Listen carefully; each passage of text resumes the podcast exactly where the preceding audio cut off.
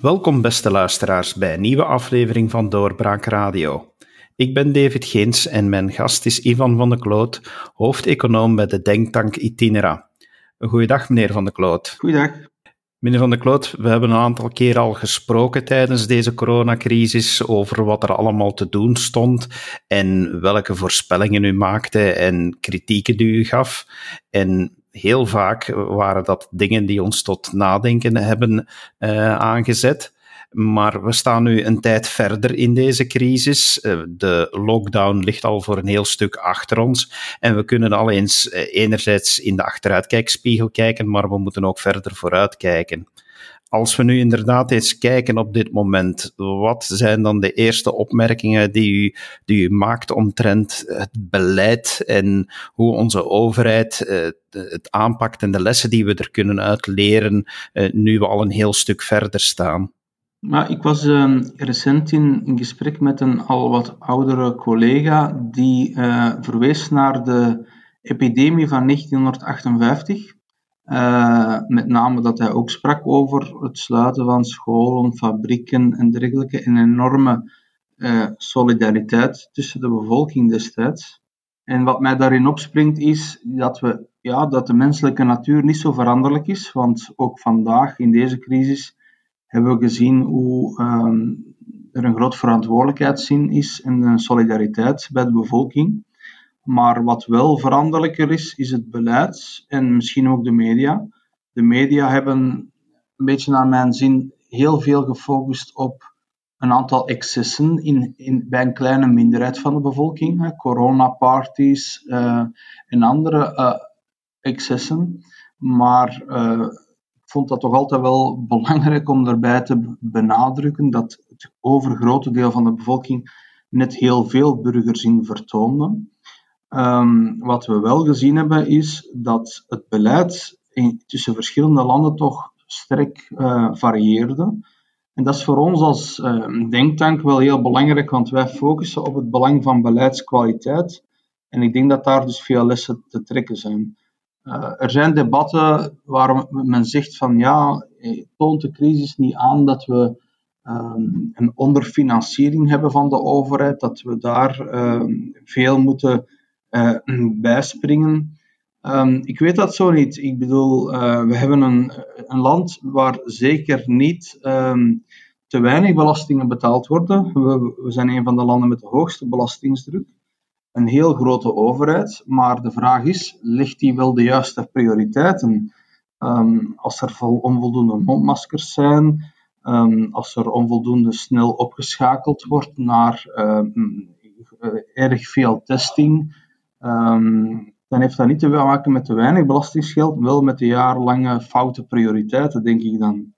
En, en, dat brengt mij eigenlijk bij een belangrijk thema, namelijk wat zijn eigenlijk de kerntaken van de overheid? Ik denk dat volksgezondheid en epidemiebestrijding, die zitten zowat in het hart van wat we de kerntaken van de overheid benoemen. En net daar, eh, of het nu over het bestellen van mondmaskers gaat, over de snelheid van het opschakelen van testcapaciteit of contact tracing, net daar schiet de overheid toch wel serieus tekort. En dus ik denk dat we daar um, een aantal lessen moeten uittrekken. En je ziet ook bijvoorbeeld in, in, in sommige landen dat er een veel sterker uh, al gebruik wordt gemaakt van digitale technologie. Uh, een, een app uh, om contacten in kaart te brengen. En bij ons zijn we teruggevallen op papier en potlood. En dat, uh, dan zegt men ja, maar de bevolking zou hier te weinig die app gebruiken. Ja, dan zegt men eigenlijk dat men de bevolking niet erg veel vertrouwen uh, uh, over heeft. De vraag is natuurlijk, de, de bevolking zelf heeft ook niet zoveel vertrouwen in de overheid. Is dat niet een soort wisselwerking? als de overheid al eens zou beginnen met meer vertrouwen te tonen in haar bevolking, ik vind dat daar het beleid ook verschillende keren al uh, de bocht uh, is uitgevlogen door signalen te zenden dat de bevolking zelf, dat men daar niet te veel vertrouwen in heeft. En dus ik denk dat op het vlak van beleidskwaliteit en uh, vertrouwen dat de bevolking heeft in de overheid, dat je daar belangrijke verschillen ziet tussen landen. Maar is het dan zo dat je in ons land moet vaststellen dat er te veel overheid of te weinig overheid is. En dan bedoel ik het voornamelijk in het licht van de commentaren die je hoort en de verhalen die nu toch stilaan naar buiten komen van de ongelooflijke uh, tijd die er verloren gaat met overleg, overleg, overleg en niet weten welke uh, laag bevoegd is voor wat en zo. Ja, dan, dan zit je toch echt over de efficiëntie te praten van, zoals u het noemt, de kerntaken van een overheid. Moeten we meer of minder overheid hebben? Ik denk dat het een belangrijk thema is om te vragen wat, wat, wat is de rijkwijde van de overheid? Wat zijn haar taken en wat zijn haar taken niet?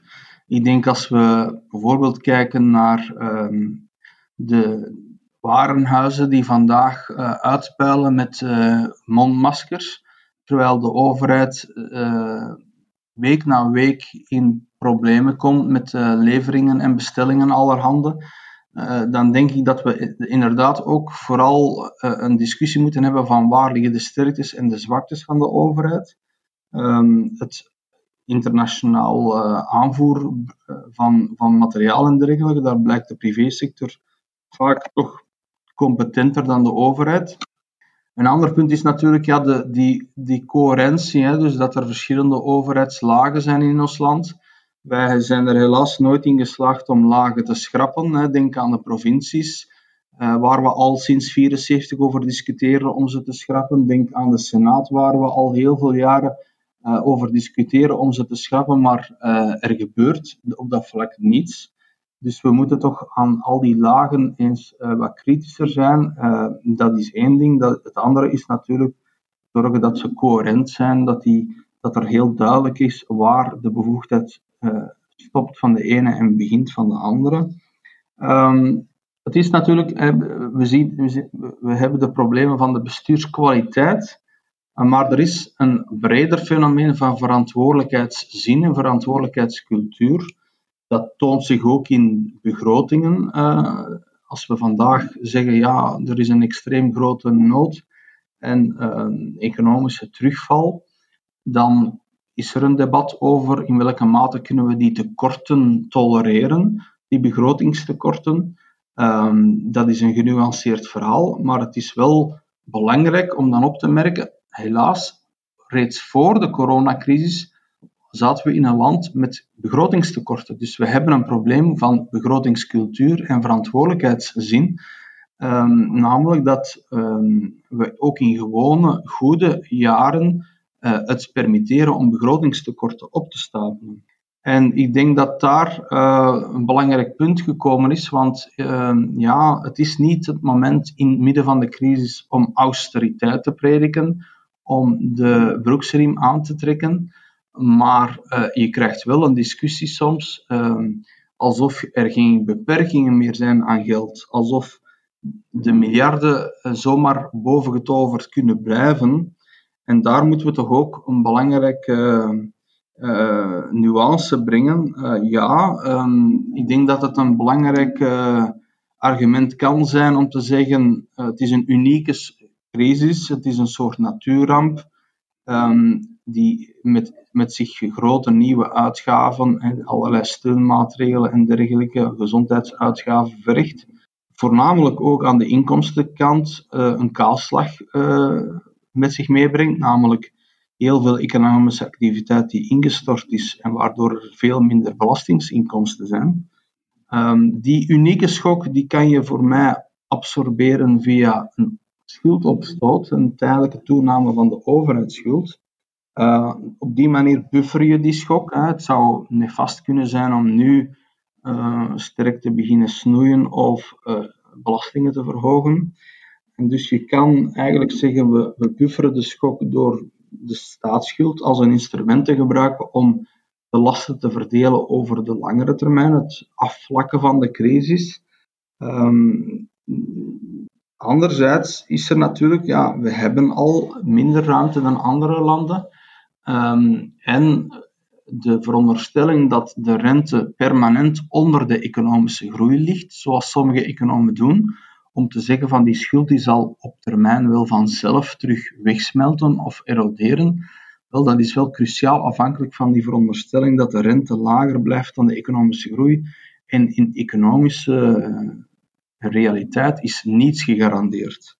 Ehm, ik, ik, op dit moment zou ik zeggen, ja, laten we dit als een soort natuur beschouwen waarvan we de schok absorberen in de schuld. Dat is dan ook wel een argument om niet uh, uh, naar gelegenheidsbelastingen over te gaan. We, zien al, sommige um, allerlei coronataxen uit hun duim zuigen die helemaal niet doordacht zijn. Uh, mijn standpunt is, we hadden voor de coronacrisis nood aan een doordachte fiscale hervorming. We hebben dat ook na de coronacrisis. Maar een doordachte fiscale hervorming is niet per se hetzelfde als al die ballonnetjes die vandaag aan het opgaan zijn. Bedoelt u daar dan mee van dat we moeten opletten dat uh, niet weer eens alles op de kap van de middenklasse wordt afgewendeld, maar dat er daarentegen echt eens een grondige reset moet gebeuren van het hele fiscale systeem? Maar ja, kijk, ik ben zelf auteur van een boek over de, uh, met als ondertitel waarom ons land een echte belastingshervorming nodig heeft. En dat berust op enkele pijlers, uh, waarvan de belangrijkste voor ons land misschien ondertussen wel geworden is. We hebben vooral nood aan een belastingsvereenvoudiging. Ons land is uh, een voorbeeld van een soort lobbyfiscaliteit, waar allerlei belangengroepen over de jaren hun voordelen hebben gerealiseerd in, in de vorm van allerlei aftrekkingen en uitzonderingsregimes. Daar moeten we met de kam doorgaan. Daar moet uh, een parlement um, stap voor stap evalueren wat die aftrekken eigenlijk wel uh, de, de merite daarvan is. Per maatregel zou ik zeggen, heb je toch een legitieme doelstelling nodig. En als die aangetoond kan worden dat die niet bereikt wordt met die fiscale aftrek, dan moet je die durven schrappen. Zo ga je naar een verbreding van de belastingsbasis, wat dan ook lagere nominale tarieven mogelijk maakt. Daarnaast heb je natuurlijk nog de discussie over het verschuiven van de belastingsdruk weg van arbeid. Uh, ik denk dat milieufiscaliteit daar wel een kandidaat voor is om daar een stuk van het gewicht over te nemen. Uh, dat hangt ermee samen dat we toch naar een post-corona werkelijkheid willen van een groenere economie. Uh, als we vandaag zeggen we moeten de economie herlanceren, dan gaan we daar ook een visie nodig hebben van wat is de wenselijke economie na deze crisis. Die zal minder milieubelastend moeten zijn en dus hebben we daar ook belangrijke investeringen nodig en moeten we ook een uh, milieufiscaliteit hebben die daar slim mee omgaat. Um, dus er zijn zeker, uh, er is een zekere reset nodig, maar wel op een doordachte wijze en niet op een, uh, ja, een, een lichtzinnige wijze zoals we te vaak doen. Met de schulden die we nu aangaan, gaan we daarmee onze kredietwaardigheid niet op het spel zetten? Ja, je moet natuurlijk een aantal dingen in het oog nemen. Ten eerste, dat zal voor een belangrijk stuk ook afhangen van de rente. Dus in welke mate blijft die laag in vergelijking met economische groei. Eh, zolang dat dat um, uh, het geval is, ja, dan heb je wel een houdbaardere situatie dan in het andere geval. Het hangt er natuurlijk ook vanaf hoe, hoe verhouden andere landen zich. We zitten eigenlijk allemaal een beetje in hetzelfde bootje op dit moment. Uh, maar het is zeker dat je, dat je daar waakzaam voor moet blijven. Um, vanaf dat die rente effectief boven de economische groei zou uitkomen, kan je heel snel in een ontsporing terechtkomen. Dat toont ook het belang aan van het echt herlanceren van de economische groei. En daar moeten we de vraag stellen: zijn we in ons crisisbeleid goed bezig op het vlak van het uh, de economische capaciteit uh, van uh, het systeem te verbeteren, te versterken. Dat is een dubbel verhaal. Je hebt enerzijds de, het crisisbeleid op het vlak van liquiditeit. Hè. Voor gezinnen betekende dat tijdelijke werkloosheid, voor bedrijven allerlei steunmaatregelen om het licht aan te houden, om ze over die zware tijdelijke schok heen, overheen te tillen. Denk ook aan het uitstellen van fiscale verplichtingen allerhande en kredietakkoorden met de banken. Uh, een aandachtspunt daarbij is toch dat heel veel van die steunmaatregelen forfaitair waren, um, terwijl andere landen toch meer en meer, oké, dus als je snel moet schakelen, dan gebruik je de instrumenten die je klaar hebt liggen, maar uh, andere landen beginnen toch meer en meer veel gerichter te werken uh, met het echt uh, inschatten van de geleden schade en daar een compensatie voor te voorzien, eerder dan een forfaitaire uh, strategie. En dus ik denk dat ook ons beleid zich daarop moet bijstellen.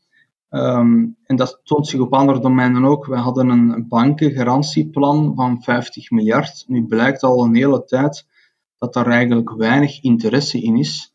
Uh, en dat heeft voor een stuk te maken met de looptijd. Hè. Bedrijven konden daarvan genieten, gebruik maken, maar voor 12 maanden. Maar als het gaat over het ondersteunen van je solvabiliteit, um, dan is 12 maanden veel te kort. Uh, je moet je bedrijf aanpassen aan de nieuwe realiteit, uh, transformeren. Dus denk dat we daar al sneller over enkele jaren moeten durven spreken. Dus ik zeg het, we hebben een sterke traditie in ons land op het vlak van een defensieve houding, een schok absorberen. En dat is het, dat is, daar zijn we goed in. Dat is het in kaart brengen van de noden. En dat doen we dan via allerlei comité's waarin de bestaande sectoren aanwezig zijn. Maar op een bepaald moment moet je het geweer van schouder verplaatsen naar een offensievere strategie.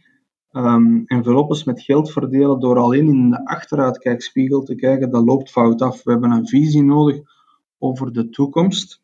En daar moeten we toch um, deze keer uh, wendbaarder zijn dan in vorige crisissen. Betekent dat dan ook niet dat we moeten beseffen dat we niet iedereen zullen kunnen redden? Ja, ik bedoel, middelen zijn beperkt en je moet ook uh, keuzes maken. Je moet een visie ontwikkelen van hoe ziet de wereld eruit na de coronacrisis. Um, en dus heb je slimme maatregelen nodig die niet altijd... Voor een stuk kan daar een industrieel beleid achter zitten van waar overheden keuzes maken, zoals um, bijvoorbeeld de groenere economie, hè, dus uh, bijvoorbeeld de circulaire economie, hoe maken we die realistischer? Um, maar um, de, de, een ander domein, denk ik, waar we op moeten inzetten, is digitalisering. Hè. Dus corona en, en pandemieën algemeen, die zorgen ervoor dat we veel meer uh, digitale middelen moeten inzetten om te communiceren, om van afstand te kunnen werken. Um, en ik denk dat we daar als land alleen maar wel bij kunnen varen als we daarop zouden inzetten. Dat is een beetje ja, het aanbodgestuurde of het centraal industrieel beleid. Maar anderzijds moet je toch ook vooral het ondernemerschap van bedrijven mogelijk maken. En wat daarvoor heel belangrijk is, is natuurlijk dat er voldoende kapitaal aanwezig is. Dat dat versterkt wordt, vooral bij onze KMO's. En dus uh, om die solvabiliteit uh, kansen te geven, om die schok daar te, op te vangen, zijn er al een aantal maatregelen bekend geworden, hè, zoals de carryback. Dat betekent dat men de verliezen van dit jaar eigenlijk in rekening kan brengen van de winsten van vorig jaar, zodat men um, in de, zodat bedrijven voorafbetalingen kunnen terugvragen. Dat geeft hun extra zuurstof. Er is eh, de optie om de, een wederopbouwreserve aan te leggen, um, zodat ten belopen van het verlies van dit jaar, dat kan ook onmiddellijke middelen vrijmaken. Um, ik heb het al benoemd, er is het garantieplan eh, met de banken dat toch moet bijgestuurd worden, zodat dat aantrekkelijker wordt. Um, en dan is er, um, ja, er zijn er altijd allerlei participatiemaatschappijen, zoals we er in Vlaanderen, de PNV en andere hebben. Um, de optie kan zijn om die op te schroeven, om die grotere middelen te beschikking te stellen, zodat zij daar risicokapitaal mee kunnen verschaffen. Een andere optie is om een nieuw soort coronafonds uh, te, te, bouwen, um, waarmee je uh, een combinatie maakt met privé en publiek kapitaal om um, onze KMO's uh, te versterken. Um, we moeten in elk geval naar soepelere financieringsvormen, niet alleen voor ja, de, de, rol van de banken, maar ook voor kapitaal, risicokapitaal. En er, twee belangrijke punten daarbij nog zijn, we moeten waakzaam zijn voor een snelle uitverkoop van onze bedrijven aan internationale spelers. Denk ook aan China, dat al voorop loopt en dus eigenlijk veel kapitaal uh, begint te, te, verzamelen om internationaal bedrijven op te kopen. Voor een, klein, voor een prikje, dat kan niet de bedoeling zijn dat we in, uh, in soort solden op dat vlak gaan van Vlaamse KMO's. Een ander punt dat is natuurlijk de start-ups en de scale-ups.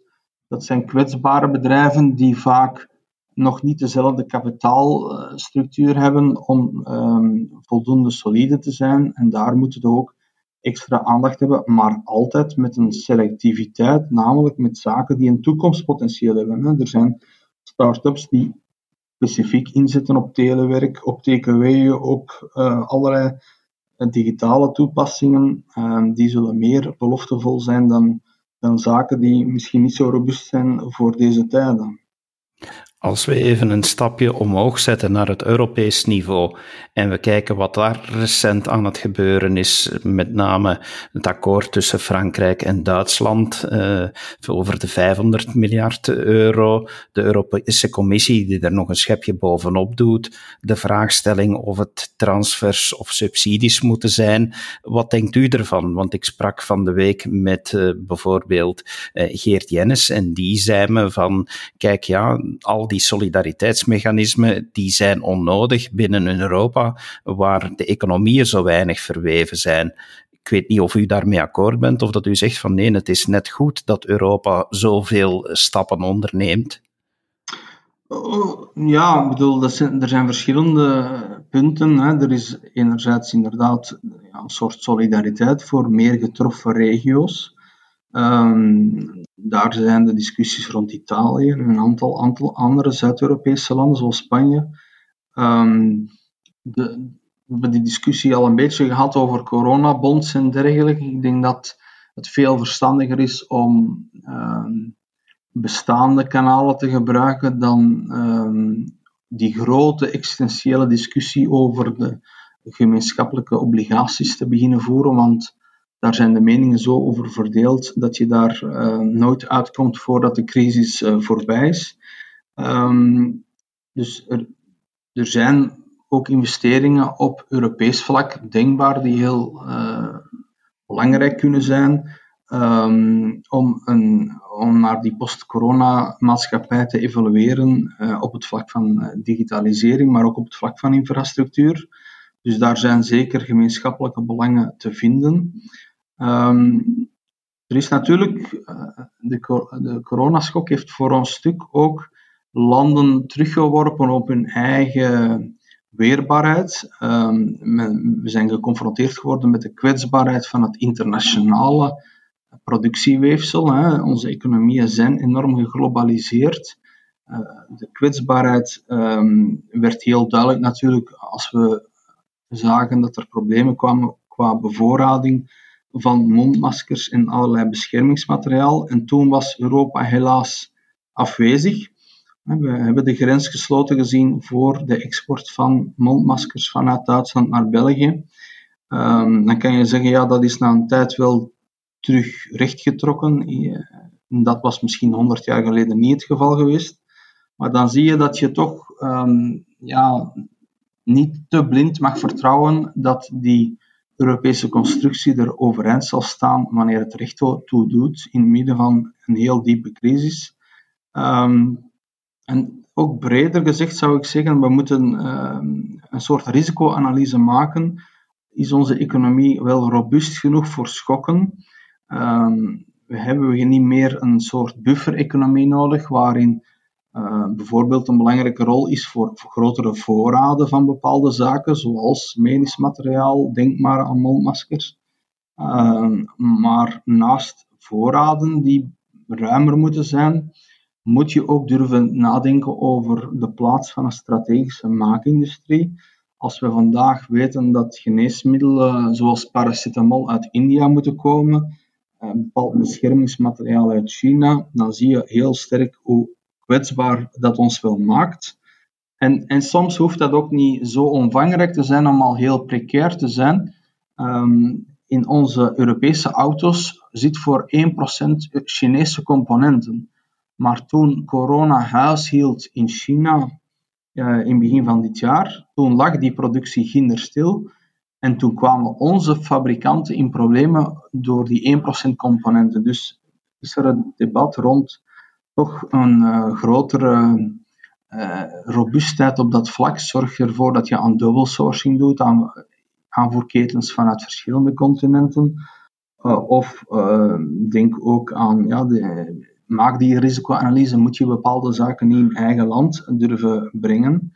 Ik wil daar toch nog een paar dingen over zeggen. Er is, um, ik zou het beeld willen gebruiken van de 90% globalisering. We gaan niet de volledige globalisering terugdraaien, want onze maatschappij en economie uh, in Vlaanderen is extreem afhankelijk van export. Als elk Europees land nu zich volledig terugplooit op eigen productie, dan zal vooral ons, onze regio daar heel groot slachtoffer van zijn. Dat willen we ook niet. Dus het gaat toch over een, het in kaart brengen van onze kwetsbaarheden en daar specifieke oplossingen voor vinden. Um, het is wel zo, de tijd van de hyperglobalisering die is achter de rug. Wij moeten um, daar meer evenwicht in zoeken. Um, we hebben handelsverdragen gehad, lange tijd, die enkel focusten op het terugbrengen van handelstarieven. Dat is eigenlijk terugbrengen van bepaalde belastingen, moet je maar zeggen, op uw producten. Dat is meestal heel zinvol. Maar recentere handelsverdragen gingen meer, veel verder. Die gingen discussiëren over onze arbeidsvoorwaarden, over belastingstelsels, over technologische voorwaarden. En die grepen in op een stuk van uw soevereiniteit in de bepaling van uw eigen groeistrategie van uw land. En daar heb je toch meer een bandbreedte nodig om je eigen groeistrategie te bepalen. Dus ik denk op het vlak van globalisering hebben we het juiste evenwicht nodig, zeker voor ons land. Um, we moeten het kind zeker niet weggooien met het badwater. Het heeft ons veel baten gebracht, maar we moeten wel de grootste kwetsbaarheden in kaart brengen en daar uh, strategie rond ontwikkelen. Duidelijk. Meneer Van der Kloot, dank u wel voor uw toelichting. Het was uh, zoals altijd zeer leerrijk en uh, we houden zeker contact met u om verder op te volgen naarmate we meer leren en zien hoe deze post-coronatijden zich verder ontwikkelen. Dank u wel en graag tot een volgende keer. Dank u, tot ziens. Dit was een episode van Doorbraak Radio, de podcast van doorbraak.be. Volg onze podcast op doorbraak.be/slash radio of via Apple Podcasts, Overcast of Spotify.